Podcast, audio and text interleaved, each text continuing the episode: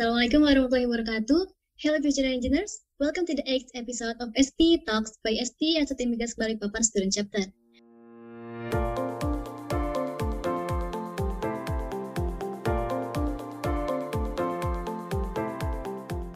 Pertama-tama, perkenalkan, saya Dava Amelia yang akan menjadi host pada episode kali ini.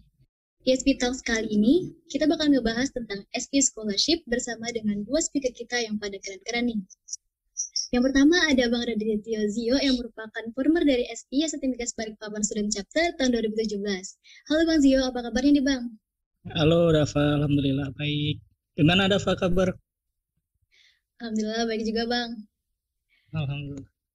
Alhamdulillah. Uh, lalu uh, ada speaker kita yang selanjutnya, ada Bang Rizky Pratama yang juga merupakan former dari SPI Sertifikat Balikpapan Student Chapter tahun 2017 bersama dengan Bang Zio. Halo Bang Rizky, apa kabarnya nih Bang? Halo Dava, Alhamdulillah baik nih. Dava gimana kabarnya? Alhamdulillah baik juga Bang. Alhamdulillah. Alhamdulillah. Uh, Oke, okay. uh, saya rasa nggak perlu nge-spill banyak-banyak nih buat di introduction-nya. Karena teman-teman pasti udah penasaran banget tentang tema dan speaker kita, yaitu uh, gimana sih tips untuk mengikuti SP Scholarship dan apa bedanya SP Scholarship dengan beasiswa lainnya. Nah, jadi sebelum ke sana, kita harus tahu dulu nih mengenai uh, SP Scholarship itu apa sih? Jadi teman-teman uh, pada bisa menyusun strategi dalam mengikuti scholarship ini nantinya. Nah, uh, oke okay, sebagai pertanyaan pembuka mungkin uh, buat abang-abang nih, SP Scholarship itu apa sih bang? Uh, terus apa perbedaannya antara beasiswa SPI USP dan SPIC dengan beasiswa lainnya? Gimana nih bang? Jadi uh, sebenarnya SP Scholarship itu adalah salah satu beasiswa yang diberikan oleh SP kepada para mahasiswa. Di mana sebenarnya scholarship yang ada itu ada dua macam. Mungkin nanti yang USP bakal dijelaskan sama Bang Zio. Kalau saya bakal ngejelasin soal SPC, di mana salah satu scholarship yang disediakan atau di-provide dari SP Balikpapan Section. Di mana SPC ini adalah Scholarship for Education Assistance, di mana ini adalah salah satu beasiswa yang atau bantuan yang ditawarkan oleh SP Balikpapan Section bagi para mahasiswa yang kiranya menuntut ilmu di Astronomikis Balikpapan, di Hasanuddin dan juga di ITK. Bahkan ada juga kalau nggak salah kemarin tuh dibuka juga buat mahasiswa lain. Saya saya lupa di mana itu. Tapi di luar dari lingkup SP Balikpapan section kemarin kalau nggak salah. Jadi di mana ini ada salah satu beasiswa di mana mungkin ini lebih kecil daripada SP USP yang bakal dijelaskan oleh Bang Zio silakan Bang Zio Oke, uh, jadi kalau sebenarnya dari USP sendiri itu uh, sama uh, scholarship yang diadain juga sama SP Balikpapan Section. Uh, dari pem, uh, bedanya sendiri dari si antara si sama USP itu uh, yang pertama jelas dari uh, jumlah apa ini uh, bantuan yang diberikan sama section antara USP sama si itu beda. Terus tuh yang kedua yang ku ingat itu uh, dari tahapan seleksinya si sama USP ini beda uh, karena bantuan yang dikasih itu jumlahnya beda antara si sama USP jadi uh, tahapan seleksinya pun beda gitu. Dan jadi uh, saya ingat tuh kemarin tuh si itu lebih simpel daripada USP untuk sesi apa itu sesi proses seleksinya gitu. Terus untuk total grantiesnya atau uh, jumlah penerimanya itu juga uh, USP itu lebih sedikit daripada si yang dari yang tahunku ya. Itu uh, ya itu lebih dikit daripada si itu. Uh, sama kalau dari sisi apa ini? Kampus-kampus uh, mana aja sih yang dapat uh, apa itu bantuan dari scholarship dari SP Balikpapan section ini itu kurang lebih sama antara si sama USP itu yang ku ingat ada dari Akademikas pasti terus ada Unhas terus ada IPK juga. Terus ini ada juga dari uh, Patimura University. Itu yang aku tahu nih baru nih kayaknya Patimura. Gitu. Oh jadi begitu ya bang. Kalau uh, SPUSP dan SPSC itu bedanya uh, ada di yang pertama itu ada dari jumlah penerimanya terus juga uh, jumlah dapat beasiswanya ya bang ya, terus sama beda. seleksinya Oh, Oke okay, gitu bang. Um, Terus nih uh, buat para teman-teman future engineers yang belum pernah mencoba buat apply beasiswa nih bang, uh, pasti pada yang ada yang bertanya-tanya nih, uh, emang apa sih yang perlu disiapkan untuk mengikuti program beasiswa SPUSP atau juga SPC ini bang? Gimana nih bang kalau dari abang-abang? Oke mulai dari ini ya SPC dulu ya. Jadi benar banget yang dibilang sama Zeo ya. Beasiswa ini lihat dari cakupan seberapa banyak kota yang diberikan maksudnya kota yang ada dan juga seberapa banyak uh, beasiswa yang diberikan di mana juga nilainya berbeda gitu. Ketika kita ngomong SP USP maka bisa jadi kotanya lebih sedikit tetapi beasiswa yang diberikan lebih banyak tetapi kalau kita ngomong SPC mungkin lebih sedikit tapi cakupannya bisa lebih luas bisa lebih banyak bahkan kemarin tuh bisa hampir kisaran 20 atau 20 lebih kayak gitu. Nah, untuk soal-soal persyaratan ya. Kalau kemarin berdasarkan yang sebelum-sebelumnya, kalau ngomong SPC karena dia mungkin lebih kecil, lebih sedikit kiranya hal-hal yang akan dilewatkan atau hal yang perlu dipersiapkan. Tapi ada beberapa yang saya note, kebetulan alhamdulillah saya saya dapat dua tahun gitu, dua tahun beasiswanya. Maksudnya di tahun kalau nggak salah tahun 2020 sama tahun 2021 itu saya dapat di mana hal-hal yang saya persiapkan tuh kayak kita bisa mulai dari kita lihat dulu dari persyaratan yang diberikan dari SP Balikpapan Section. Kebetulan kemarin kayak misalnya kita bisa ngelihat kita tuh masuk zona angkatan yang ditentukan apa enggak kayak gitu. Contoh kayak misalnya SP Balikpapan Section nentuin orang-orang yang dapat beasiswanya adalah untuk angkatan 2017, 18, 19 contoh kayak gitu. Tapi ketika kita tidak masuk dalam zona itu berarti kita nggak bisa ikut. Terus juga kemudian kita pastikan minimum punya IPK tuh paling tidak tiga gitu. Tiga itu paling tidak lah minimum untuk dapat beasiswa ini. Terus kemudian kita lihat kira-kira kita aktif organisasi apa enggak tapi ngomongin ini so, tentatif ya. Bisa ada yang rajin organisasi terus jago akademik atau malah salah satu tapi ini soal tentatif kayak gitu Terus juga pastikan kalau kita tuh nggak dapat beasiswa lain, maksudnya beasiswa lain dari SP Balikpapan Section, yaitu SP USP tadi. Jadi kalau misalnya kamu udah dapat SP USP nih, scholarship USP, nggak bisa tuh dapat lagi SPC. Oh masa mau ambil semuanya? Nggak bisa. Jadi ambil salah satu kayak gitu. Nah soal dokumen, dokumen tuh ada beberapa hal sih. Contoh kayak yang pertama yang SPC berkas yang dibutuhkan dalam SPC berdasarkan yang tahunnya saya atau tahun-tahun sebelumnya itu kayak CV di mana CV ini biasa terdiri dari satu lembar gitu. Satu lembar di mana di dalamnya itu ada include foto ada nomor HP dan juga biodata biodata penting atau bahkan pengalaman-pengalaman yang kamu miliki selama kamu berkuliah atau selama yang kamu miliki sampai sekarang gitu contoh kayak riwayat pendidikan riwayat lomba riwayat organisasi dan di situ kamu bisa masukkan semuanya sebagai kiranya gambaran kamu tuh seperti apa. Terus kemudian yang kedua tuh ada esai. Nah, esai ini biasanya dia ngejelasin atau dia minta pembahasan esainya mengenai dirimu atau kita sebagai pendaftar si beasiswa tersebut. Di mana biasanya tuh ada include soal biografi, gimana biografi kamu selama berkuliah atau biografi kamu selama ini seperti apa. Terus keadaan keluarga gimana, aktivitas di dalam atau di luar kampus tuh seperti apa? Maksudnya aktif apa enggak di dalam kegiatan kampus atau kegiatan sosial kayak gitu. Di situ juga kamu bisa ceritain di essay tersebut. Terus juga kamu bisa tuh kasih masuk hal-hal kiranya yang menarik tentang dirimu agar kamu tuh bisa semakin dilirik atau apa ya kalau dibilang kamu tuh pantas gitu untuk mendapatkan beasiswa ini. Dalam biasanya dirangkum atau diringkas dalam satu lembar kayak gitu.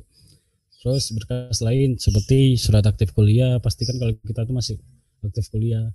Terus juga kemudian transkrip terakhir jangan transkrip transkrip semester sebelumnya. Tapi kalau bisa kita udah siapin memang dari awal dari awal semester biasanya itu kita udah siapkan transkrip kita.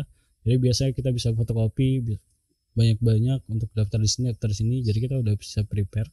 Terus juga nah kalau misalnya teman-teman ikut ikut kegiatan seminar atau kegiatan lomba-lomba yang biasa dapat sertifikat itu penting banget buat dikumpulin. Kenapa? Karena di sini juga salah satu yang diminta dari SPIC adalah sertifikat-sertifikat yang pernah kita dapatkan. Jadi untuk mendukung atau ngebuat kita tuh semakin pantas loh kalau kita tuh bisa mendapatkan beasiswa ini. Kira-kira kayak gitu dari SPC.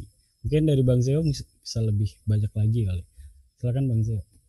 Oke, kalau aku setuju banget sih sama yang dibilang Rizky itu. Uh, bener banget sama dokumen-dokumen tuh yang uh, kayak disebutin Rizky itu perlu banget semua disiapin emang dari jauh-jauh hari. Nah, uh, mungkin ngasih sedikit tips saja ya buat teman-teman mungkin uh, yang masih bingung gitu mau daftar. Soal kalau dari aku pengalaman eh, dari belajar dari pengalamanku ya beberapa mm -hmm. itu ada yang bikin ogah-ogahan buat daftar les males gitu. Karena untuk kumpulin dokumen-dokumennya gitu satu-satu. Kan banyak tuh ya ada yang bilang ya kan uh, banyak kan relatif ya tergantung orangnya. Kadang-kadang ada yang bilang ah cuma apa tuh ngumpulin ngumpulin tiga tiga dokumen aja tuh udah banyak gitu udah males.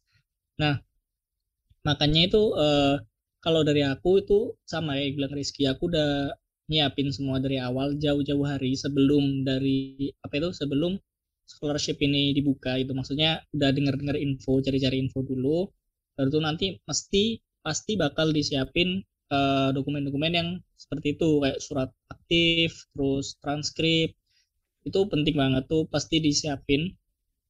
Terus uh, kayak bener CV terus kayak ini kan kayak dari kita pribadi ya kalau kalau yang surat-surat transkrip seperti itu kan dari kampus semua. Kalau emang diminta dari kita pribadi itu siapin aja dari emang lebih jauh hari lagi karena ini nggak cuma dipakai buat uh, kalian apa daftar scholarship doang tapi bisa dipakai juga mungkin banyak hal lain mungkin kerjaan nanti ngelamar kerja atau internship dan sebagainya. Kalian siapin CV jelas tuh terus uh, yang dibilang Rizky tadi sertifikat apa pun itu kalian ikut seminar ikut kompetisi itu semua di, dikumpulin. Nah kalau aku itu biar nggak terhambur gitu biar nggak filenya hilang terus harus nyari lagi terus bikin males gitu. Aku biasanya bikin satu file gitu satu file khusus scholarship gitu. Jadi di situ emang filenya khusus dan ketika aku mau daftar scholarship atau ketika ada scholarship yang dibuka gitu kan open daftaran gitu aku langsung buka itu file scholarship gitu kan. Nah itu langsung semua ada tuh. Nah, sertifikat ada CV ada di situ terus kayak uh, template essay essay gitu ada. Terus foto semua surat-surat dokumen dari kampus itu semua ada. Jadi langsung cepat gitu bisa apa ini daftar nggak perlu nunggu sampai ke deadline-nya di hari H gitu. Sama selain dokumen-dokumen dan segala macam secara teknis itu yang paling penting sih niat ya. Jadi kalau kepengen-kepengen doang tapi nggak diniatin ya sama aja gitu. penting diniatin dulu saya mau nambahin kalau misalnya benar kata Zeo yang tadi kita tuh bisa prepare loh dari awal. Kita tuh bisa prepare semua berkas-berkas. Karena bisa jadi kita nggak cuma satu ini beasiswa tapi bisa daftar yang lain. Satu sisi juga dari awal kita juga bisa prepare ya. Kedua mana tahu nanti sometimes ada ada kebutuhan-kebutuhan perkuliahan. Contoh kayak tadi minta CV terus juga minta foto minta uh, scan dari KTM dan macam-macam kita tuh bisa prepare juga dari awal. Jadi sebenarnya persiapan-persiapan ini manfaatnya banyak. Selain bisa ke beasiswa bisa persyaratan-persyaratan yang lain contoh kayak yang lagi prepare KP atau macam-macam bisa sekaligus di sini disiapkan kan dari awal. Mana tahu nanti mungkin ada koop juga kamu bisa siapin juga dari awal. Jadi kayak semua itu terselesaikan di awal dari hal-hal kecil yang seperti ini. Kayak gitu. Jadi manfaatnya banyak betul lagi betul iya. Oke, jadi begitu ya kalau dari abang-abang. Kalau dari Maris ini uh, apa aja yang perlu disiapkan? Yaitu yang pertama itu lihat dulu persyaratannya. Nah, terus tuh juga persiapkan dokumen-dokumen yang diperlukan, misalnya kayak CV, terus menulis esai, terus juga surat kuliah, dan transkrip semester, dan juga sertifikat baik itu prestasi ya bang. Iya, terus lebih kayak gitu ya kira-kira. Okay. Terus kalau dari Bang Zio itu uh, uh, yang pasti mempersiapkan diri uh, bisa dari jauh-jauh hari untuk uh, udah nyari info-info beasiswanya, terus juga mempersiapkan berkas dari jauh-jauh hari. Kayak gitu ya Bang? Yap, betul. Uh, Oke. Okay. Uh, jadi kalau uh, berdasarkan experience abang-abang nih, uh, setelah di tahap penyelesaian berkas itu, uh, ada lagi nggak tahap selanjutnya? Kalau ada, tahap apa sih bang? Mungkin boleh dimulai dari Bang Zio dulu. Oke, jadi kayak yang di awal tadi, uh, aku bilang kan ada uh, perbedaan tahap seleksi itu antara C sama USP. Hmm. Betul yang kata Dava, berarti pertanyaan ini cocok betul. Jadi hmm. kalau si itu seingatku dulu itu dia uh, ada itu seleksi berkas saja di mana tuh kita cuman bikin eh cuman ngelengkapin dokumen sambil ngelampirin esai. Nah, esainya ini uh, ada juga kriteria dari section sendiri, misal harus 250 words gitu kan. Mm -hmm. Atau mungkin 300 atau sekitar segitu ya aku agak lupa itu berapa words itu dulu hanya ada esai yang diminta esainya uh, itu isinya tentang ya itu tentang apa itu uh, background family background terus tentang kegiatanmu di kampus itu apa aja kontribusimu itu apa aja untuk SPI gitu. SPI entah student chapter ataupun Balikpapan section apa aja. Itu uh, jenis esainya tuh kayak gitu yang diminta kemarin. Terus dokumen-dokumen yang lain sama kayak yang disebut tadi CV perlu surat-surat dari kampus seperti itu. Terus tuh kalau uh, dari C itu cuman itu aja ya saya ingatku nih ya. Nggak tahu nanti kalau aku lupa siapa tahu Rizky mau nambahin lagi. Saya ingat itu cuman dari seleksi berkas. Terus tuh nanti udah tuh langsung ada announcement gitu di email gitu. Tiba-tiba diterima di email atau bisa langsung dicek di Instagram. Instagramnya berkepan section tuh udah ada nanti siapa aja yang lolos kayak gitu. Cuman terus kalau USP ini itu agak beda nah tahap seleksinya itu ada tambahan satu lagi yaitu tahapnya namanya interview. Waktu itu tuh uh, interviewnya langsung komite dari Balikpapan section waktu itu uh, karena beda gitu kan karena beda jumlahnya terus beda secara jumlah di sini maksudnya penerimanya atau sumber dananya itu beda jumlahnya. Maka di situ uh, beda juga tahapan dari tesnya. Waktu itu ada tambahan ya interview di situ. Ya gimana kalau dari Bang Rizky Bang? Kalau SPC ini ada dua sih menurut saya itu yaitu pertama tahapan kita ngumpul berkasnya tahapan kita lengkapkan semua persyaratan persyaratan tadi. Tahapan kedua adalah tahapan menunggu dan berdoa. Oh. semoga kita bisa mendapatkan itu beasiswa itu karena itu salah satu pikiran kita kan yaitu berdoa kita menunggu. Dan biasanya kalau udah kalau misalnya ada informasi atau pengumuman biasanya tuh kita bisa cek di uh, media sosial dari SP Balikpapan Section. Kalau kemarin tuh ada yang dikirim.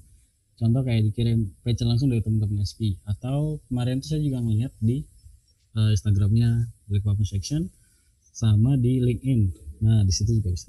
Oke, jadi uh, berbeda ya Bang uh, tahapan seleksinya dari beasiswa SPIC dan USP. Kalau yang C itu uh, ada seleksi berkas, terus setelah berkas sudah lengkap dan sudah dikirim langsung menunggu announcement dari uh, Balikpapan section ya Bang. Terus kalau dari ya, Oke, okay, kalau dari beasiswa USP-nya itu ada seleksi berkas, lalu ada seleksi interviewnya yang diinterview langsung oleh Balikpapan Section gitu ya Bang? Iya, oh iya, sama itu juga kemarin tuh esainya pun beda gitu. Persyaratannya esainya tuh beda kayak misal dari Word-nya kan minimum tuh dari SPC cuma 250, nanti dari uh, eh, USP itu misal minimal 500. Oke, gitu ya Bang. Selain itu uh, perbedaannya yaitu di esainya gitu Bang. Iya, betul. Uh, nah, uh, kalau lagi ngebahas tentang interview nih, biasanya buat kebanyakan orang kan uh, pasti nih tahap uh, yang paling membekas diingatan itu ya tahap interview. Uh, nah kalau dari abang-abang nih, bisa diceritakan nggak sih bang uh, momen saat interview yang abang-abang alami itu kayak gimana sih? Kan Dava bilang uh, apa ya interview yang pernah dialami ya, kan interview beasiswa. Tapi secara umum aja. Ya. Kalau misalnya interview, saran saya itu untuk berusaha untuk kiranya jujur di awal tuh jujur menurut saya itu paling penting kenapa karena dari ketika kalian jujur kalian tuh bisa lebih percaya diri atas apa yang kiranya ke depan yang akan kalian hadapin. Terus juga kemudian apa yang kalian dapatkan insya Allah baik. Kenapa? Karena di awal kalian jujur. Berusaha untuk ya mungkin jujur tapi tetap kita ngasih yang terbaik. Maksudnya kita bisa ceritakan pengalaman kita yang kiranya berkesan buat kita dan juga memberikan contoh bahwa kita tuh orang-orang yang kiranya baik atau pantas menerima beasiswa. Contoh kamu bisa cerita kalau misalnya dulu uh, saya sebagai sebagai ketua dari organisasi saya memimpin dalam beberapa kegiatan acara. Di mana di sini saya belajar lebih mengenai leadership yaitu saya belajar tentang tanggung jawab. Di situ ibarat kamu punya pengalaman dan kamu ceritakan dengan cara yang berkesan kayak gitu. Mungkin bisa cara-cara kayak gitu. Dan selalu berusaha untuk jujur jangan ada yang terlalu dibumbu-bumbui atau hyperbola. Jadi kayak terlalu luar biasa banget. Tapi tetap ngasih berusaha untuk ngasih yang bagus gitu. dan membuat ya mungkin kita bisa juga belajar banyak hal sih.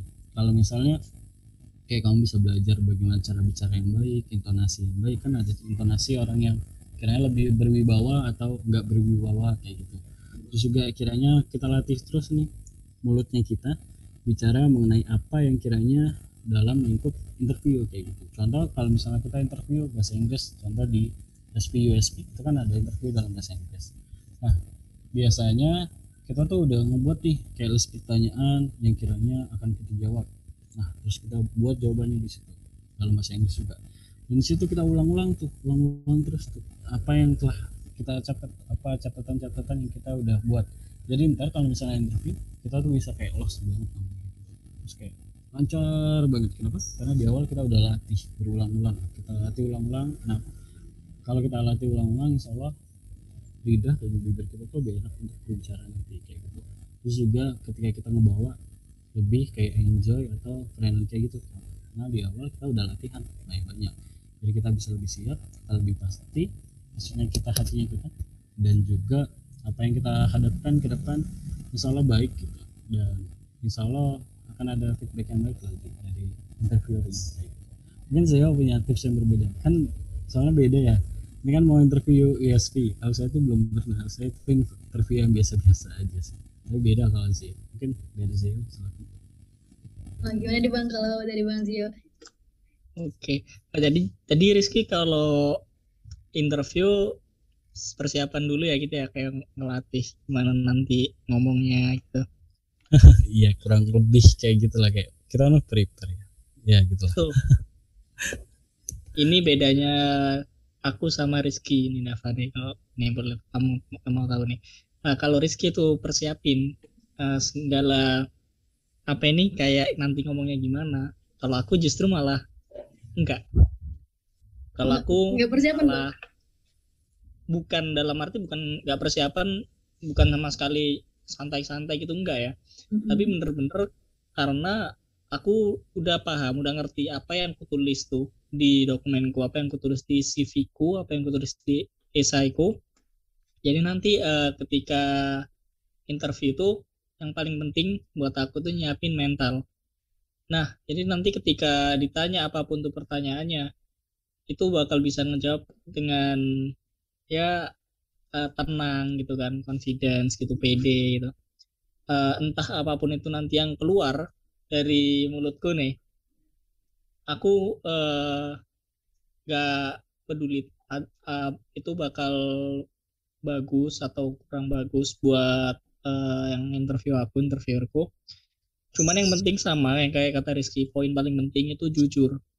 Nah ini yang bikin aku itu kenapa aku nggak kayaknya aku nggak perlu latihan yang lama apa itu maksudnya sebelum tuh sebelum masuk tuh harus nyusun kata-kata terus gimana nanti kalau ditanya ini aku ngomongnya kayak gimana bikin kata-katanya itu aku nggak karena aku nggak percaya gitu. Maksudnya aku jujur ya udah yang aku bilang itu apa yang tulis itu. Nggak aku lebih lebihin nggak aku kurang kurangin ya udah gini aku emang adanya gitu yang kutulis di esai ataupun CV-ku atau apa pun tuh dokumen yang emang diperluin.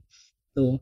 Nah nanti uh, kalau misal antara lolos apa enggaknya gitu kan itu kan semua nanti tergantung dengan instansinya yang ngadain gitu. Butuh apa enggak orang yang tipenya kayak aku gitu kan atau yang kayak Rizky mungkin kayak gitu. Nah itu beratnya kayak kita udah punya puzzle gini bentuk kita sendiri. Nah, itu nanti kalau udah interview itu tergantung di hasil akhirnya. Puzzle yang kita punya ini cocok apa enggak sama yang di uh, butuhin sama contoh di sini balik papan section gitu kan ketika dia ngadain scholarship program gitu.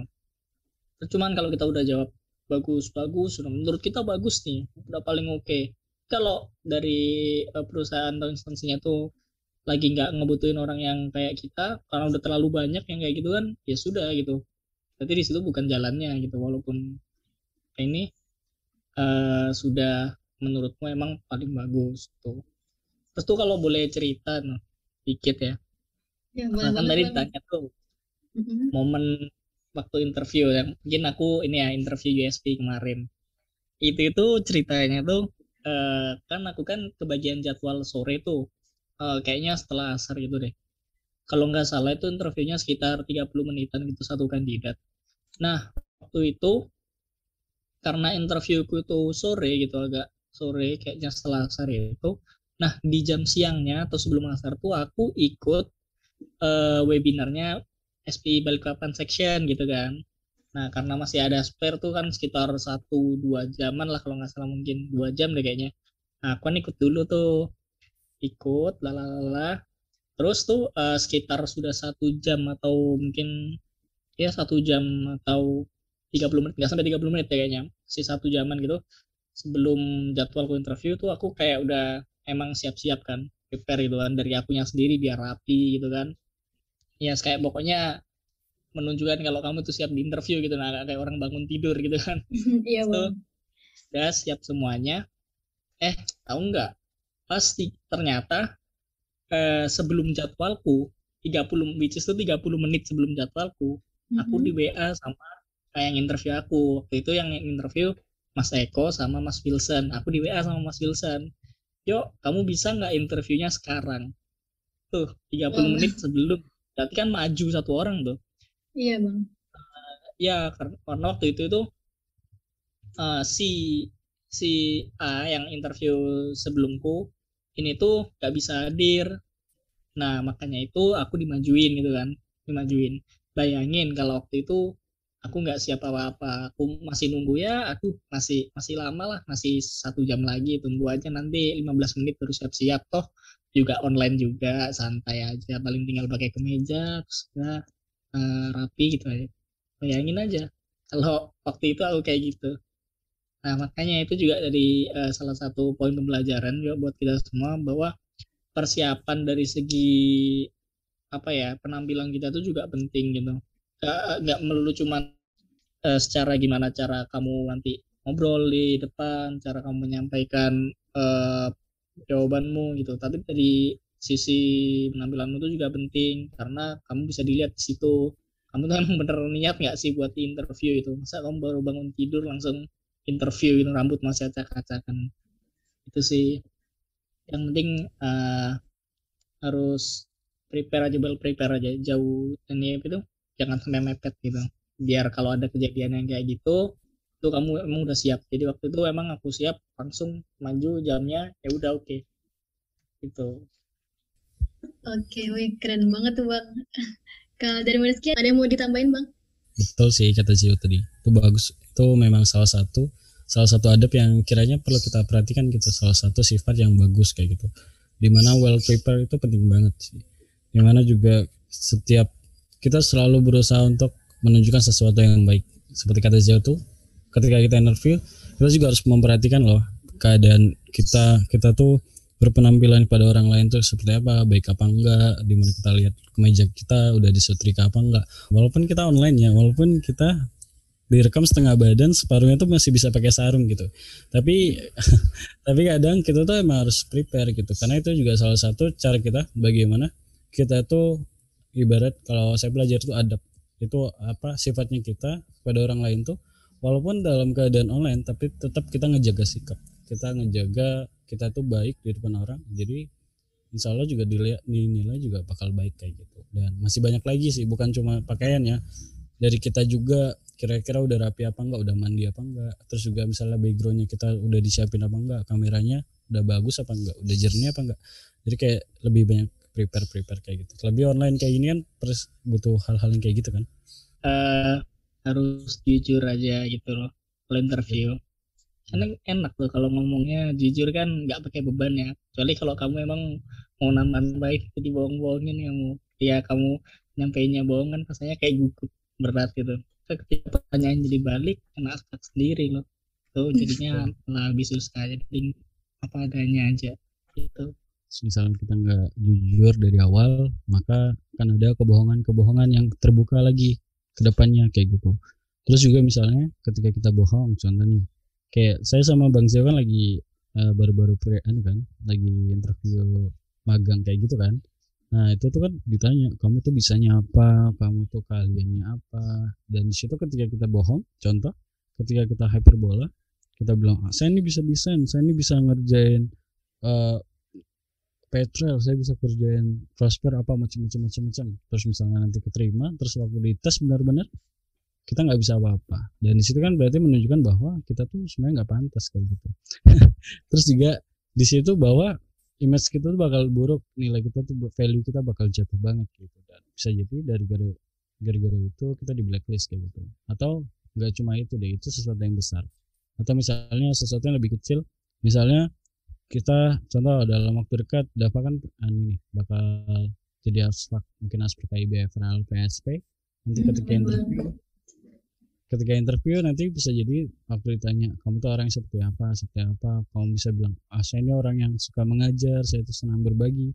Tapi pada realnya pada nyatanya orang-orang ngelihat sesuatu yang berbalik kayak gitu. Maka itu kan bakal bisa jadi sesuatu yang buruk gitu. Atau orang bilang bermuka dua apa sesuatu yang gitulah jadi Jujur itu sesuatu yang penting, terlebih ini sesuatu yang besar ketika kamu memulainya dengan hal yang baik, insya Allah selanjut selanjutnya juga bakal akan baik gitu. Tapi ketika dari awal aja kamu udah salah, kamu udah buruk, kamu bohong kayak gitu, maka ke depan ke depannya akan ada kebohongan-kebohongan lain, maka akan ada keburukan-keburukan lain juga kira-kira kayak gitu. Oke, jadi gitu ya bang. Eh, yang paling penting sih eh, buat jujur ya bang. Kalau di interview itu sesuai dengan keadaan yang ada, uh, apa adanya sesuai dengan kemampuan kita. Tapi juga tetap menunjukkan uh, gimana sih kalau uh, gimana sih kita ini pantas buat terima beasiswa itu ya bang? Terus juga buat uh, latihannya mungkin bisa latihan intonasi dan cara berbicara. Terus juga mungkin bisa juga untuk mempertanyakan pertanyaan-pertanyaan yang mungkin bakal uh, keluar atau ditanyakan di interviewnya. Terus juga jangan lupa buat enjoy saat interview. Oke, okay, jadi gitu ya bang. Uh, nah, oh ya bang, uh, saat interview itu kan biasanya uh, bakal tuh selalu ada pertanyaan legendaris yang kadang-kadang tuh bikin kita suka bingung buat ngejawabnya gimana. Uh, kalau ada pertanyaan nih bang, uh, mengapa kami harus memilih anda? Nah, jawaban terbaik menurut abang-abang ini jawaban yang seperti apa sih? Jadi tuh uh, kalau ada pertanyaan, kenapa kita harus milih anda gitu ya? Iya. Jadi kalau dari aku, uh, itu yang pasti kasih jawaban itu kamu tunjukin kenapa kamu itu uh, pantas itu kan berdasarkan apa yang kamu tulis apa yang udah kamu pelajari tentang uh, instansi tersebut. Kemarin nih kasusnya di scholarship nih di USP ya kan. Uh, ketika ditanya kayak gitu itu tuh yang aku kasih buat section tuh aku bilangnya kontribusi apa aja yang udah aku kasih? Buat balik papan section, buat student chapter, itu apa aja yang udah dikasih. Jadi eh, emang kasih yang jelas gitu ya, jangan yang jawabannya tuh langsung direct gitu, jangan terlalu muter-muter, langsung kasih bahwa emang kamu tuh pernah berkontribusi gitu kan, buat paling nggak buat uh, instansi tersebut di sini katakanlah aku balik papan section sama student chapter gitu kan, aku udah pernah ikut apa ini program-program mereka apa aja gitu kan. Yang paling jelas sih yaitu sih. Terus jangan lupa tunjukin core value kamu di mana uh, suatu hal yang emang menonjol di kamu yang sekiranya tuh menurutmu paling strong dan mungkin orang lain sedikit yang punya atau bahkan emang gak punya itu cuma kamu yang punya gitu. Kamu tunjukin itu kalau emang kamu tuh orangnya beda dan lebih daripada yang lain kayak gitu. Mungkin Rizky boleh ditambahin. Sebenarnya juga udah bagus ya di apa yang di apa dikatakan sama Zio tuh. Bener banget kalau kamu tuh juga harus prepare soal uh, instansi dari yang kiranya mengeluarkan beasiswa. Dan sebenarnya juga pertanyaan ini tuh apa ya kalau saya menilai itu pertanyaan yang bertanya mengenai kira-kira kita tuh percaya atau enggak sih pada diri kita? Kira-kira kita udah well prepare nggak sih secara tidak langsung ya? Di mana juga ketika dia dari awal kita tuh udah yakin kita udah pede insya Allah kita bakal enak untuk menjawab pertanyaan ini. Dan yang tadi yang kita udah sebut sebelumnya itu kita harus jujur. Di mana ketika kita jujur Allah kita bakal lebih tenang lebih enjoy gitu. Di mana ketika kita ditanya kayak gini kita jangan langsung ini langsung cos cos cos cos, cos. Ah, saya itu bisa ini lah bisa ini bisa ini lah tapi enggak tapi tetap tenang tenang. Tenang di mana kita tuh ketika kita well prepare kita udah siap kita bisa tenang ngejawabnya mulai dari kayak kita di pikiran kita tuh udah kepikir gitu. Kira-kira kita tuh pengen daftar di mana sih? Contoh kayak gini kita lagi daftar beasiswa. Berarti kan dia mencari orang-orang yang kiranya berprestasi kayak gitu. Maka kita bisa kasih tahu nih ceritain soal prestasi-prestasi yang pernah kita lakukan. Kalau Jio tadi bilang mungkin kontribusi kepada Balik Open Section mungkin itu pandangan dari kiranya buat teman-teman yang kiranya aktif banget di Balik Open Section tapi kalau misalnya dari pandangan orang-orang yang kiranya jarang jarang nih ikut kegiatan balik papan section mungkin ikut sekali-sekali tapi nggak begitu sesering teman-teman SP yang lainnya mungkin bisa mulai dari tunjukkan kita ngelihat ya tunjukkan kalau misalnya kita tuh berprestasi gitu. Sebagaimana target dari SP balik papan section mencari orang-orang yang kiranya berkompeten berprestasi dan kiranya ketika diberikan beasiswa itu tuh menunjang buat dia berkembang atau menjadi lebih baik. Nah di situ kita ngelihat peluangnya kita tuh di situ. Poin yang perlu kita tonjolkan tuh di situ. Jadi apa yang perlu kita kasih lihat bahwa kita tuh termasuk orang yang berprestasi loh kita tuh orang yang bertanggung jawab loh di mana dengan amanah-amanah yang diberikan kita tuh bisa manfaatkan dengan baik. Di mana maksudnya? Dari beasiswa ini kita bisa manfaatkan di jalan yang benar. Maksudnya untuk mendukung kita dalam kegiatan pendidikan atau kegiatan yang lainnya. Jadi ibarat kita tuh ngomong ya sesuai pada tempatnya kayak gitu di mana yang ngebuat kita pantas itu adalah karena si goalsnya si instansi tersebut. Jadi kita sesuai dengan goalsnya mereka apa yang mereka pengen ambil gitu. Contoh mereka pengen ya contoh mereka pengen ini. Ada beberapa beasiswa yang kiranya dia tuh selain dia ngasih biaya dia tuh ngasih ada beberapa program kayak gitu. Di mana secara tidak langsung mereka tuh membutuhkan orang-orang yang kiranya punya kompeten dalam leadership atau punya kompeten dalam berorganisasi. Di situ juga kamu bisa cerita bahwa uh, saya itu orangnya yang berprestasi berdasarkan pengalaman saya ikut lomba di sini di sini di mana di sini saya bertugas sebagai ketua kelompok saya memimpin beberapa teman. Dalam ke dalam suatu situasi yang genting banget saya bisa mengatasinya dengan baik dengan cara seperti seperti ini. Di mana di situ kamu menunjukkan bahwa kamu tuh pantas sesuai dengan apa yang pengen diraih dari si instansi tersebut. Contoh juga misalnya dia lagi nyari orang-orang yang kiranya cocok nih di bagian reservoir Nah, ketika di interview, kamu bisa ceritain bahwa kamu tuh punya skill-skill, kamu tuh punya kemampuan, dan kamu tuh punya hal-hal yang kiranya menunjang kamu bisa masuk di bagian atau section res reservoir tersebut. Tidak mungkin kan kamu cerita kalau saya tuh jago drilling loh, saya tahu jenis-jenis beat, saya tahu semua jenis casing, saya tahu gini-gini gini. Tapi yang dicari ini orang-orang yang reservoir gitu. Berarti kan gak sesuai goalsnya gitu kan. Nah, maka di situ kita harus pintar-pintar di mana ketika kita tenang di awal ya kita tenang kita tuh tahu gitu apa yang kita keluarkan dan sesuai nggak sih sama goals mereka. Dan kalau misalnya kita nggak tenang kadang tuh kita pengen ngasih semuanya tapi nggak dapet goalsnya. Mungkin dapat cuma sekian persen. Jadi nggak makanya tidak tersampaikan semuanya. Maka dari, dari awal ya yang seperti dibilang Zio kita tuh harus cari tahu soal instansinya. Instansi seperti apa sih? Ini instansi pendidikan instansi apa kita harus melihat terus mereka bergerak di bidang apa kita harus lihat. Terus kiranya contoh beasiswa atau interview ini tujuannya untuk apa kita harus ngelihat di mana kita juga bisa prepare tuh kayak tadi kata Zio. Kalau katanya kamu mau masuk ini mau masuk contoh jadi bagian dari SP Balikpapan section. Tapi kamu aja nggak tahu SP Balikpapan section. Berarti kan kamu bukan orang-orang yang kiranya mendalami atau memahami soal instansi ini.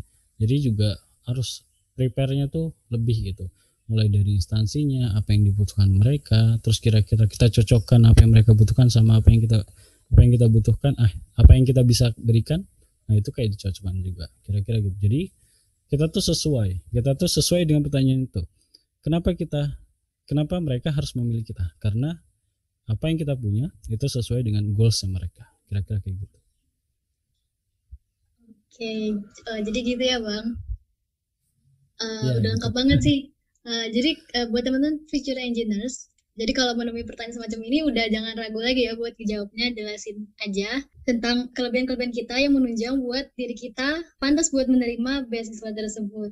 Next question nih Bang, kalau kita lihat nih di persyaratannya di persyaratan berkas beasiswa SPI ini di situ kan mungkin ada tertulis ya kalau peserta harus membuat esai seperti yang tadi udah Bang ceritakan. Nah, gimana sih Bang caranya buat esai ini buat nge-apply beasiswa terutama di beasiswa SPI, USP dan SPIC ini Bang? Oke, jadi gantian ya. Kalau misalnya esai itu sebenarnya secara tidak langsung ya. Itu kayak kita di interview tapi kita harus nulis kayak gitu. Tapi nggak secara langsung di interview. Di mana di situ kamu bisa cerita soal biografimu. Maksudnya biografi bagaimana sih perjalanan kamu berkuliah. Di mana contoh pengalaman pengalaman pengalaman pengalaman hebat yang kiranya kamu milikin dan di mana di situ ngebuat kamu tuh menjadi seseorang yang menarik untuk ditarik atau seseorang yang menarik dalam menerima beasiswa ini. Sebenarnya juga sesuai juga sama apa yang saya bilang tadi. Kamu juga harus bisa menempatkan kiranya apa yang kamu ceritakan, hal-hal hebat apa yang kamu ceritakan itu, dan poin-poin yang kamu dapatkan dari hal hebat itu sesuai enggak sih sama yang mereka inginkan gitu. Contoh ketika misalnya kamu lagi pengen daftar uh, contoh ini gambaran atau ilustrasi aja maksudnya. Kamu pengen daftar jadi drilling engineer. Tapi kamu cerita kalau kamu tuh hebat masak kamu tuh bisa bikin nasi goreng kamu bisa bikin martabak apa macam-macam. Itu kan secara tidak langsung kan tidak relate kan? Nah iya. di situ juga secara tidak langsung tuh kamu ngebuat esainya tuh kamu juga harus sesuaikan dengan apa yang mereka pengen raih beasiswa atau sorry prestasi-prestasi apa yang kiranya membuat mereka tuh yakin bahwa kamu tuh pantas banget untuk mendapatkan beasiswa ini. Contoh misalnya dari prestasi-prestasi kamu dalam mengikuti lomba atau prestasi kamu aktif di kegiatan-kegiatan uh, pendidikan atau kegiatan ya akademik kayak gitu atau sosial yang berkaitan dengan pendidikan sehingga menyebabkan mereka tuh oh ini orang pantas ini orang berdasar biografinya punya pengalaman atau punya soft skill yang baik di mana dalam pengalamannya dia dia belajar banyak hal seperti leadership, dia belajar seperti bagaimana cara mengatur emosional, bagaimana bekerja dalam suatu tim, menjadikan orang ini orang yang ibarat perfect secara tidak langsung ya. Walaupun kita nggak ada orang yang perfect, tapi kita ngasih tahu bahwa kita tuh bisa mencakup atau kita tuh punya ini deh, punya isi gitu, punya isi kita orang yang bekerja keras, kita punya leadership dari pengalaman-pengalaman yang kita ceritakan di essay ini kayak gitu. Terus juga mungkin kita juga bisa cerita apa sih landasan salah satu dasar kenapa sih kita harus kita pengen daftar di beasiswa ini. Walaupun ini nggak begitu harus panjang banget ya, mungkin satu atau dua kalimat misalnya dengan kamu bisa kayak misalnya dengan adanya beasiswa ini saya bisa membantu orang tua saya dalam membiayai saya dalam kegiatan pendidikan di mana saya mungkin kekurangan atau mungkin dengan adanya ini saya bisa pakai untuk hal-hal kayak gini itu juga bisa dikasih tahu. Jadi mereka tahu oh tujuan kamu daftar ke sini itu buat apa sih? Kayak gitu. Jadi selain kamu bisa kasih tahu biografi pengalaman-pengalaman hebat yang kiranya relate sesuai dengan goalsnya mereka dan juga tujuan kamu juga bisa kamu kasih tahu di sini. Kamu bisa cerita ke depannya kamu kayak apa cita-cita yang pengen kamu raih dari beasiswa ini. Tipis-tipis gitu deh kira-kira. Mungkin Zio mau nambahin. Silakan Zio. Oke, gimana nih Bang kalau dari Bang Tio? Oke, hmm, dari aku sama yang kayak bilang Rizky itu uh, kalau kemarin aku bikin itu yang jelas tentang apa yang diminta dulu sama uh, open sectionnya. Yang diminta di situ persyaratannya esaimu tentang apa aja yang diminta mau di situ. Oke okay lah uh, let's say di situ diminta biografi. Tulis boleh biografi. Uh, terus tentang background pokoknya background keluargamu. Terus hmm, yang paling penting itu menurutku uh, aku cerita tentang siapa aku gitu loh.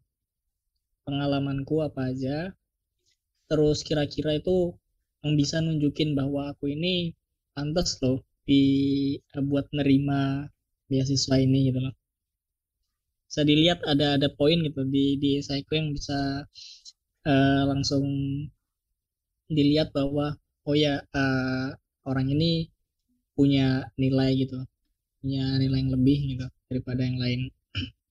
Tuh kamu uh, tuh boleh diceritain tuh ceritain aja tapi jujur ya ingat nggak usah di ngada-ngada gitu ya. Nggak usah ngawur.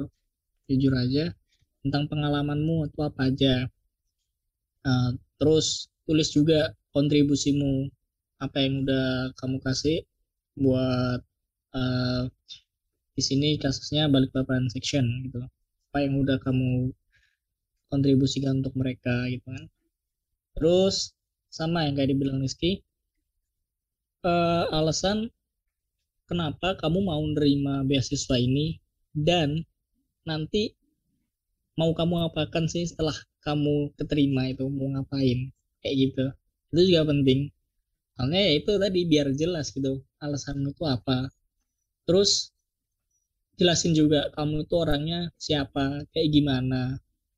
Terus nanti goalsnya setelah kamu dapat itu kamu mau ngapain tuh kayak itu kata-katanya nggak perlu bertele-tele kok. Uh, langsung aja tuh poin nggak perlu uh, ke sana kemari gitulah kalau dari aku ya. Aku kalau aku sih nulisnya langsung gitu the poin apa yang diminta. Jadi ya uh, biar yang baca juga nggak bosen gitu sih menurutku. Langsung dapat poin yang mau uh, dicari itu apa. Oh ini ini, ini itu ada langsung semua gitu. Itu kalau aku oke iya jadi... benar benar sih yang dikatain saya uh, saya tambahin lagi. Boleh benar benar yang Jayo di mana juga saya kemarin tuh waktu ngebuat esai itu saya ada sih yang saya bilang kita harus ngasih masuk pengalaman pengalaman kita di mana yang itu tadi itu ada poin. Contoh misalnya kamu cerita bahwa kamu tuh orang yang pekerja keras dan kamu orang yang mudah atau sering bekerja dalam satu tim. Dan situ kamu cerita kamu pernah ikut apa kegiatan apa apa aja di situ semakin banyak hal yang kiranya bisa kamu berikan semakin membuat bahwa kamu tuh semakin banyak pengalamannya kayak gitu.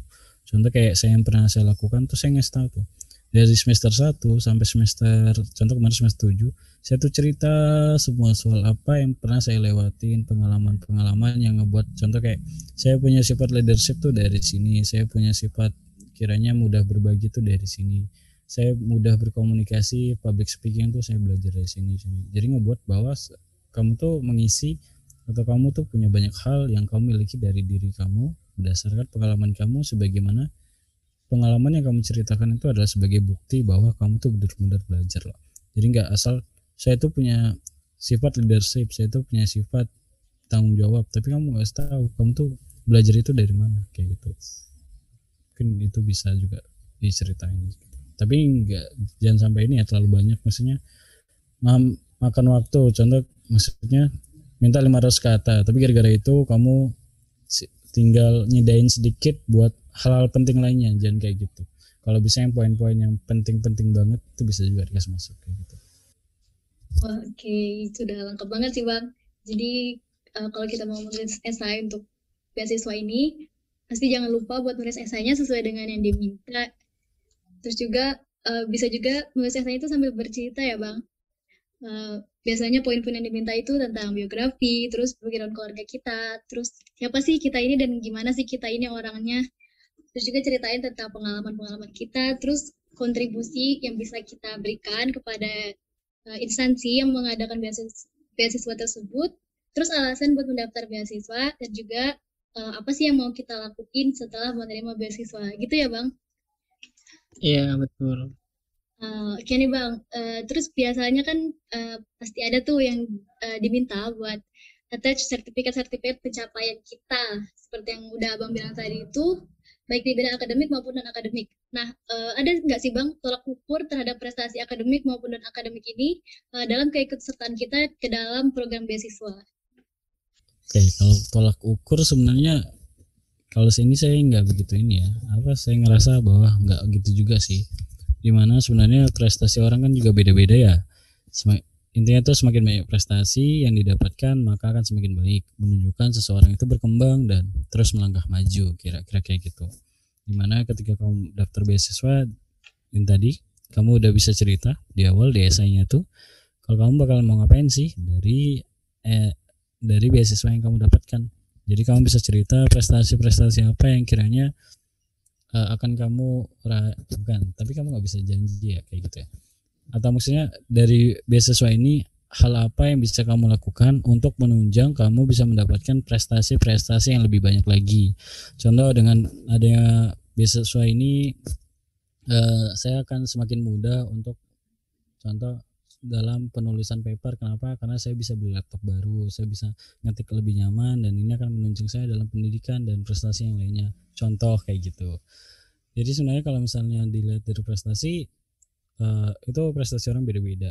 Dan kamu bisa tunjukkan bahwa beasiswa ini memberikan impact yang kiranya cukup baik kepadamu dalam meningkatkan prestasi yang kamu miliki. Maupun akademik atau non akademik uh, kayaknya kurang lebih deh yang intinya kamu memberikan atau memberitahu mengenai prestasi yang kamu punyai. Kira-kira kayak gitu. Kalau dari aku yang jelas sih dua-duanya penting ya. Dari sisi akademik maupun akademik mungkin dari sisi akademiknya tuh bisa ditunjang dari yang jelas uh, kegiatan kuliah kali ya. Nih kuliah, kuliah kita semua kan itu eh, yang paling nunjukin lah sisi akademiknya kita.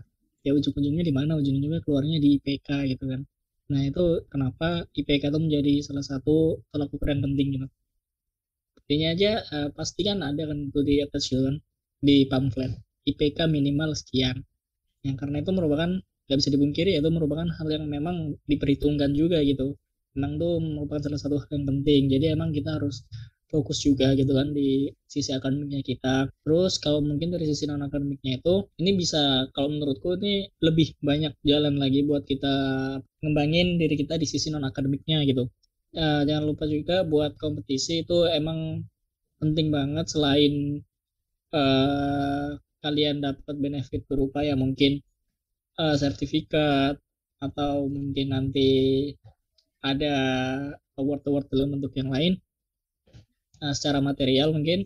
Nah yang paling penting tuh nambah-nambah pengalaman lah. Nanti ketika ditanya itu jadi kamu bisa ngasih tahu kalau kamu itu pernah ini pernah itu loh. Gak cuman uh, jago di kampus doang tapi itu saya juga pernah itu punya pencapaian di luar dari kampus kayak gitu. Jadi menurutku emang dua-duanya itu penting antara sisi akademik maupun akademik itu kayak balance gitu seimbang gitu kan?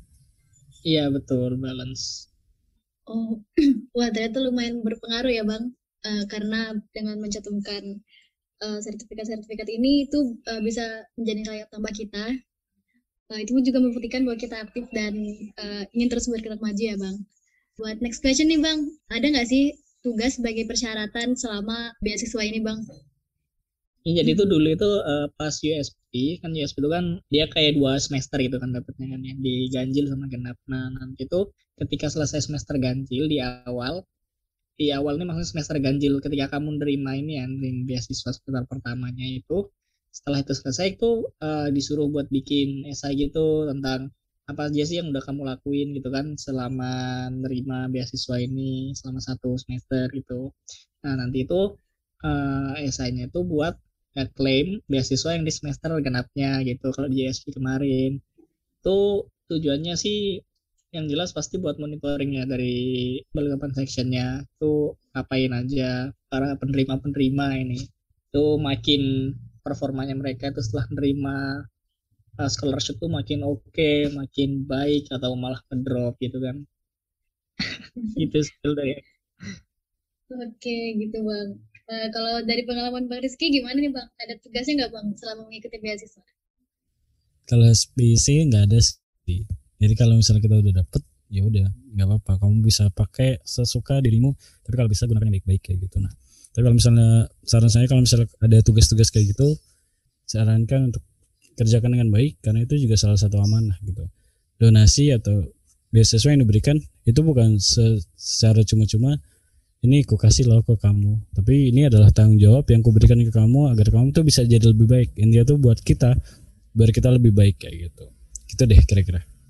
Oh, oke okay nih bang. Jadi kalau uh, berdasarkan pengalaman abang-abang kita ini uh, yang ada tugas buat selama menerima beasiswa ini ada di uh, menerima beasiswa USP ya bang. Tugasnya itu buat uh, ngebuat lagi esai tentang kegiatan apa aja yang sudah kita lakuin selama menerima beasiswa. Apakah kita uh, menjadi semakin lebih baik atau malah semakin buruk? Betul betul kurang lebih kayak gitu kok. Hmm. Hmm, oke nih bang. Uh, terus uh, setelah menerima beasiswa ini uh, apa sih yang abang bang lakukan setelahnya? Kalau ini kemarin sih saya pakai untuk memenuhi kebutuhan saya dalam berkuliah kayak gitu. Di mana kemarin juga saya tuh ada planning gitu pakai uang ini tuh untuk ikutan kursus bahasa Inggris kayak gitulah. Terus juga hitung-hitung kan uang tambahan ini kan diberikan SPO untuk ngedukung kita dalam lingkup pendidikan atau untuk improve diri kita jadi lebih baik. Jadi saya gunakan atau saya berusaha untuk gunakan uang-uang ini atau donasi atau bantuan ini dalam lingkup pendidikan juga. Tapi soal ini terserah sih sebenarnya, tentatif.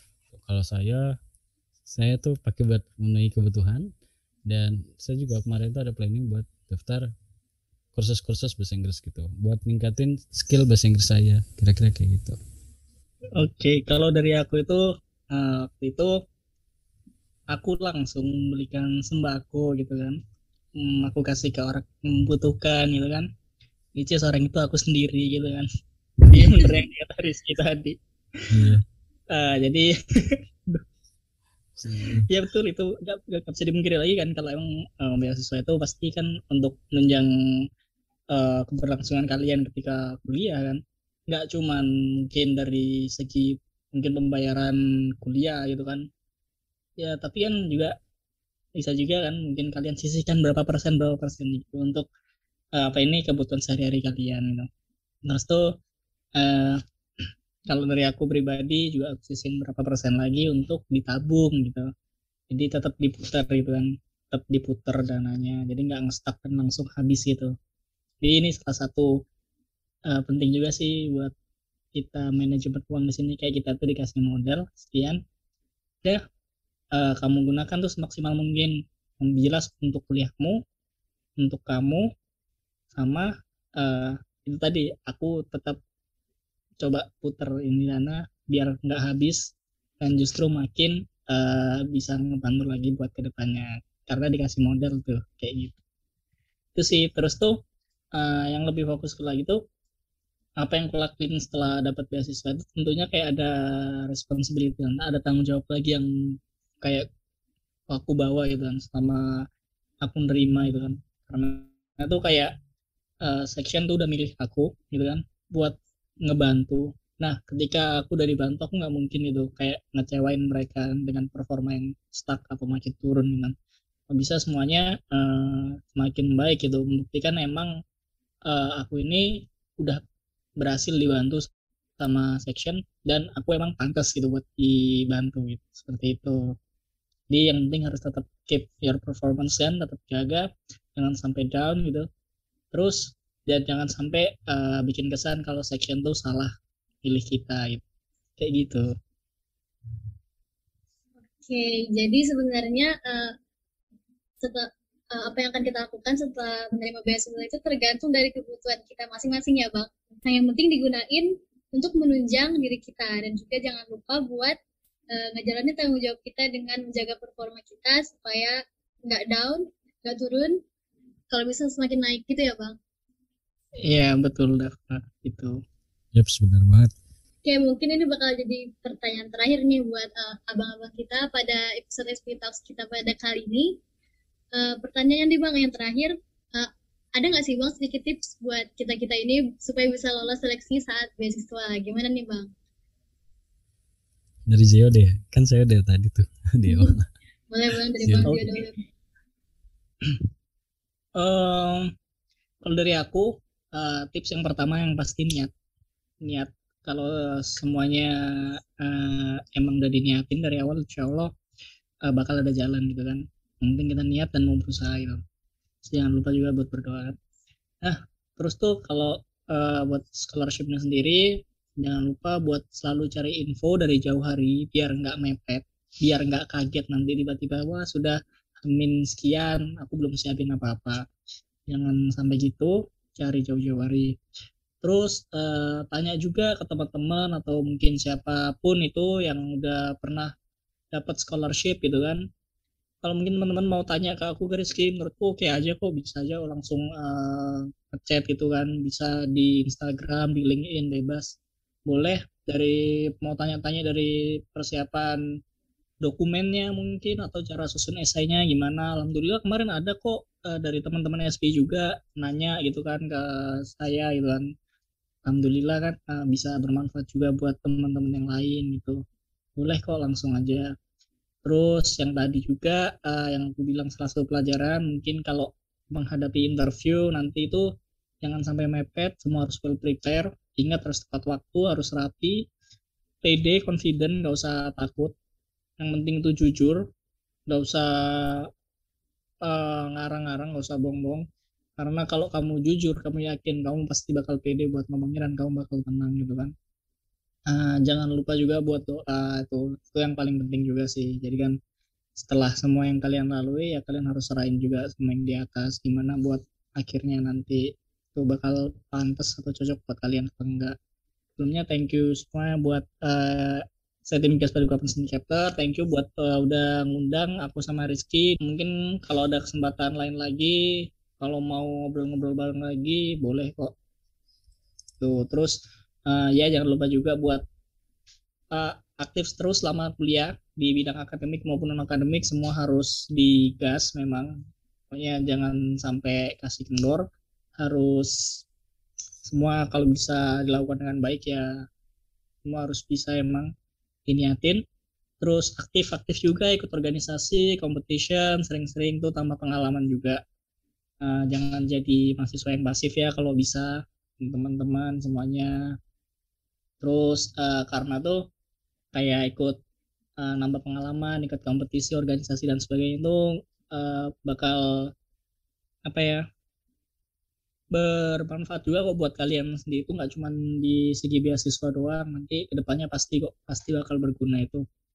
Terus uh, mungkin aku kasih closing remarks ini buat teman-teman tuh aku uh, pernah baca kalian jangan pernah berhenti belajar dan mencoba karena banyak orang di luar memiliki keinginan tapi tidak banyak yang melakukan aksi.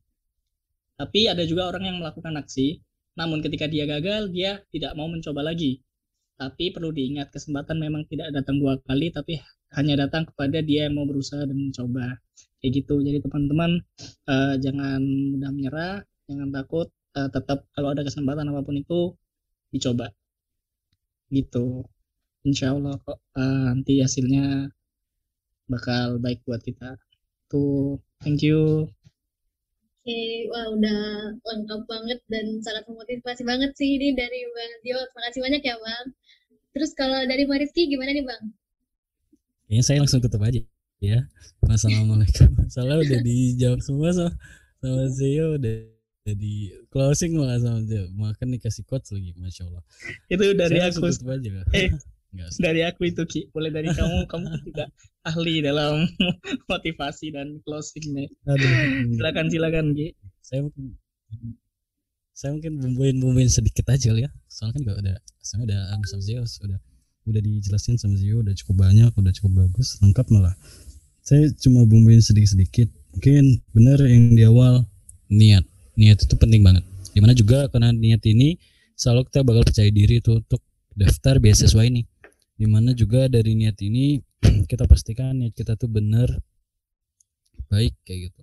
Di mana kita dari awal berniat uang ini atau donasi yang akan dikasih atau beasiswa ini akan saya gunakan untuk hal-hal yang baik. Contoh kayak untuk menunjang kuliah saya dari adanya uang ini saya bisa belajar dengan baik di mana dengan adanya prestasi saya baik nanti ke depan hal yang saya dapatkan dari saya bekerja akan saya gunakan untuk hal-hal baik. Jadi kayak alurnya tuh bakal kebaik kebaikan-kebaikan kayak gitu. Nah dan itu insya Allah yang bakal ngebudahin ngebudahin kita untuk sesuatu yang akan ke depannya sebagaimana juga uh, mungkin ini ada saya sering dengar itu inamal malu binir inamalikul yang nama sesungguhnya suatu amalan itu tergantung pada niatnya. Jadi kalau misalnya kita pengen meniatkan sesuatu untuk contoh kalau kita pengen meniatkan sesuatu contoh kayak untuk wanita gitu atau kita pengen dapat suatu mobil ketika kita benar-benar niat benar-benar kita niat insya Allah kita bakal dapat gitu kita bakal dapat apa yang kita niatkan itu. Tapi ketika kita ingin niati sesuatu yang lebih besar, insya Allah kita pasti akan dapat sesuatu yang lebih besar itu. Jadi kayak kembali ke niatnya kita. dan ini akan membantu atau bakal nemani kita dalam langkah-langkah yang selanjutnya kayak gitu. Terus yang kedua, kalau dari saya tipsnya tuh kita yang tadi ngelis dan juga melihat persyaratan-persyaratan dan juga hal-hal yang perlu diperhatikan dalam daftar beasiswa ini. Mulai dari eh, persiapan-persiapan kayak misalnya kita tuh udah bisa tuh kayak misalnya ngedesain CV dari awal maksudnya kayak awal-awal perkuliahan tuh kita udah bisa mulai ngedesain CV di mana CV ini kan akan kita gunakan dalam banyak up, uh, apply gitu dalam banyak hal yang kita butuhkan gitu. Jadi kayak dari awal tuh kita udah persiapan. Di mana juga desain CV juga kadang jadi pertimbangan orang-orang kan. Terus juga isinya juga jadi pertimbangan bagaimana kita menaruh konten dari isi-isinya tersebut ya. Bagaimana kita menaruhnya bagaimana kita menempatkannya. Terus kita juga udah pre, bisa prepare. Jadi nggak kalang kabut dadakan kayak gitu. Terus juga kadang kayak misalnya kita tuh lupa kalau misalnya IPK itu penting di mana juga ini IPK kan juga salah satu ini kan salah satu persyaratan kan dalam daftar beasiswa beasiswa bahkan semua beasiswa dari dari mana dari dari mana pun dari semester 1 sampai sekarang rata-rata beasiswa itu pasti ngasih tahu IPK berapa kayak gitu. Di mana kadang tuh orang lupa. Karena juga kenapa sih ini penting? Karena sebenarnya IPK itu adalah salah satu cara secara tidak langsung ya ngelihat seseorang itu benar atau tidak gitu. Dalam sistem belajar atau dalam berkuliah. Di mana secara tidak langsung kan ini menunjukkan bahwa apakah kita termasuk orang yang bertanggung jawab atau tidak sebagai pelajar? Di mana juga kita kan diamanahi oleh orang tua kita untuk menuntut ilmu. Di sini dan di kampus ini atau di suatu kampus ketika dia benar ketika kita benar atau kita bersungguh-sungguh insya Allah kita pasti akan dapat nilai atau IPK yang kiranya bagus kayak gitu nah makanya IPK ini kadang orang nggak penting nih IPK IPK tuh standar-standar aja padahal sebenarnya bisa banyak tafsir atau banyak hal yang bisa kita lihat dari fungsinya IPK ini kayak gitu. Kenapa sih hmm. orang naruh IPK tuh jadi persyaratan untuk daftar beasiswa? Ketika kita mandang dari satu sisi, dari kanan, dari kiri, dari atas, maka apa yang dimaksudkan itu bakal beda-beda. Jadi kita juga harus memper, mempertimbangkan ini, memperhatikan ini. Terus juga misalnya eh, buat orang-orang yang pelupa kayak saya, ketika kita ngelis hal-hal yang dibutuhkan atau kita ngebuat to-do list, hal-hal yang perlu dilengkapin, itu juga penting sih contoh kayak saya yang pelupa tuh saya membuat kayak gitu saya di masa saya ngebuat checklist di mana saya ngelihat oh IPK saya ini sesuai nih saya checklist di situ. Oh saya sudah lengkapin surat aktif saya udah lengkapin ini saya udah lengkapin ini. Dan di mana dengan itu adalah salah satu cara saya buat prepare ngebuat saya tuh bisa lebih rapi kayak gitu. Di mana juga ngebuat hati ini enggak terlalu ini kan apa ya namanya terlalu tergebu-gebu atau misalnya panik gitu gara-gara kita terlalu mepet atau deadlineers gitu. Walaupun saya juga deadlineers ya tapi ini salah satu cara untuk ngatasin hal-hal yang seperti kayak gitu dan di satu sisi juga kita berusaha untuk melengkapi list-list ini secara maksimal dan juga dengan baik maksudnya kayak contoh esainya kita persiapkan dengan baik di mana kamu bisa ketika kamu ngebuat esai itu kamu minta saran dari contoh Bang Zio atau saya atau senior-senior lain nanti kamu ngebuat Google Google Google Doc gitu nanti kamu kirim ke kita di mana di situ kita bisa sekaligus edit atau di situ kita bisa sekaligus negur gitu di sini loh kalimat yang kiranya kurang benar. Di sini kalimat yang bisa salah tafsir. Di mana di sini kalimat yang harus diperbaiki. Di mana di situ kita juga bisa langsung membantu kan. Bisa ngerevisin juga secara tidak langsung. Jadi bisa juga minta bantuan dari orang-orang yang lainnya. Dan kemudian yang ketiga kamu bisa tanya-tanya senior. Kenapa? Karena senior pernah ngelakuin apa yang pernah kamu lakukan juga pastinya. Di mana dengan tanya-tanya senior ini kamu bisa tahu hal-hal apa yang kiranya perlu diperhatikan perlu dipersiapkan dan juga perlu diantisipasi. Kira-kira apa-apa sih yang kiranya tidak boleh dilakukan gitu. Apa-apa sih yang kiranya riskan banget kalau kita ngebuat hal itu. Sehingga kita tidak terjadi atau kita nggak jatuh pada kesalahan yang telah terjadi atau kesalahan yang pernah dilakukan oleh senior-senior sebelumnya. Sehingga kita bisa lebih baik. Dan kemudian uh, terakhir mungkin doa bener banget kata Zio. Doa doa itu adalah salah satu senjata ikhtiarnya kita salah satu senjata terakhirnya kita di mana ketika kita udah berusaha kita udah ikhtiar segala macam usahanya kita cara terbaik perjuangan terakhir adalah berdoa. Selain kita berdoa dari kita kalau bisa berdoa dari minta doa dari orang tua. Kenapa? Karena doa orang tua itu begitu manjur. Jujur saya uh, ngerasain banget soal ini jadi kayak jangan sampai kalian ngelewatin hal-hal kayak gini. Di mana kadang orang tuh tiar aja atau berusaha aja tapi lupa sama berdoa. Sehingga kadang hasil yang didapatkan tidak semaksimal apa yang dia lakukan ketika dia berdoa. Karena kalau kalau dua kalau dua itu kalau dua hal ini dilakukan secara tidak langsung kan yang pertama kamu berjuang berdasarkan dirimu dan kedua kamu berjuang karena dibantu oleh Tuhan yang kamu percaya kayak gitu. Sehingga ikhtiar atau usaha yang diberikan tuh ada dua. Tapi ketika kamu usaha aja maka usaha yang dilakukan hanya satu satu satu faktor gitu. Tapi ketika kamu berdoa maka itu akan jadi lebih maksimal. Kenapa? Karena di situ bisa jadi kamu ditunjukkan sesuatu yang lebih baik atau misalnya kamu diberikan hasil yang terbaik kayak gitu. Jadi hal itu penting. Sehingga hal-hal kayak gini terkadang kita lupa tapi penting juga maksimalkan kita kuliah itu enggak enggak nakal-nakal. Maksudnya kita bisa maksimalkan waktu kita di perkuliahan di mana itu adalah salah satu amanah kita sama orang tuanya kita. Seperti kata Zio penting buat cari prestasi jangan malu. Karena adab seorang pelajar itu adalah tidak malu. Tidak malu untuk bela belajar untuk bertanya pada suatu ilmu kayak gitu. Karena insya Allah itu bakal kalian sendiri yang dapat kayak gitu. Jangan takut untuk nyari prestasi akademik atau non akademik jangan takut buat nenek senior karena itu adalah peluang kalian. Itu adalah cara kalian ngebuka pintu prestasi-prestasi yang akan kalian raih kayak gitu. Jadi jangan pernah sungkan jangan pernah uh, takut gitu. Karena sebenarnya kita juga kalau ditanya santai-santai aja sih. Maksudnya kayak ya kita bakal ngejawab sesuai apa yang kita bisa lakukan.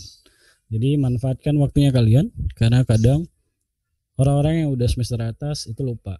Itu baru sadar sorry bukan lupa baru sadar apa sih yang telah aku lewatin oh ternyata waktu cepet banget ya.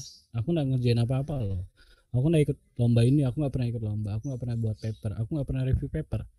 Dan terus kemudian akan menjadi pertanyaan bahwa apa yang kamu lewatkan selama empat tahun ini atau apa yang kamu lewatkan dalam 8 semester ini. Jadi kayak karena ada waktu manfaatkan benar-benar manfaatkan semaksimal mungkin jangan sampai kalian lalai atau jangan sampai kalian terbuai dengan waktu-waktu renggang atau waktu-waktu senggang yang kiranya kalian miliki. Mungkin kayak misalnya bentar lagi akan ada liburan, manfaatkan tuh waktu-waktu libur untuk misalnya kalian kamu Inggris kah, kalian misalnya kalian misalnya prepare buat ikut lomba. Jadi kayak selama liburan itu kalian ngebuat paper kayak gitu kan bisa juga. Jadi manfaatkan waktu sebaik mungkin. Kenapa? Karena semua juga bakal kembali ke kalian. Ketika kalian berusaha dengan baik, maka hasil yang baik juga pasti akan datang kalian kayak gitu. Ibarat sebab akibat timbal balik kayak gitu. Ya kita deh tips-tips dari kita. Terus berusaha insya Allah apa yang kalian perjuangkan itu tidak akan ada yang sia-sia ya. Dan tetap percaya kalau misalnya kalian tuh bisa. Kalian tuh bisa pasti bisa. Ya gitu deh. Terima kasih. Saya juga terima kasih ini udah diundang udah bisa bagi-bagi saya senang banget karena bisa sharing kayak gini. Saya termasuk orang yang suka sharing suka cerita kayak gini. Jadi menjadi sesuatu yang baik buat saya untuk bisa berbagi. Mohon maaf kalau misal dari saya tuh ada kata-kata atau perbuatan yang salah dari saya. Saya mohon maaf. Uh, mungkin bisa jadi evaluasi juga buat saya. Dan sungguh saya penuh dengan kesalahan yang sempurna itu ya Allah Subhanahu wa taala. Terima kasih. Wassalamualaikum warahmatullahi wabarakatuh. uh, Oke. Okay. Uh, Waalaikumsalam warahmatullahi wabarakatuh. eh, jadi eh, gitu ya buat teman-teman future engineers udah sangat lengkap sekali tipsnya yang udah diberikan sama abang-abang kita yang kece-kece ini. Uh, terus uh, setelah mendengar sharing dari abang-abang kita yang merupakan penerima beasiswa SP, USP dan SPC, nah buat teman-teman, uh, yuk jangan lupa untuk daftar beasiswa SP, USP yang masih dibuka uh, sampai saat ini karena pasti banyak banget benefit yang bisa kalian dapatkan dan juga uh, bisa membantu kalian selama masa perkuliahan dan tentunya uh, pasti bisa banget untuk nambah experience kalian. Uh, kalau gitu, mungkin kita udah sampai di penghujung acara SP Talks kita pada kali ini. Sekali lagi, makasih banyak nih buat para speaker kita yang pada keren-keren, yang udah membagikan uh, pengalamannya dan juga tips-tips serta motivasi yang sangat uh, menggugah hati ya Bang. Yaitu kepada uh, Bang Zia dan Bang Rizky untuk sharingnya kali ini. Terima kasih juga buat teman-teman yang udah mendengarkan SP Talks kita kali ini. Semoga dapat bermanfaat dan jadi motivasi buat kita semua untuk taking the change. Siapa tahu kalianlah penerima SP Scholarship berikutnya. Oke okay deh, nggak uh, perlu lama-lama lagi. See you guys in the next episode of SP Talks.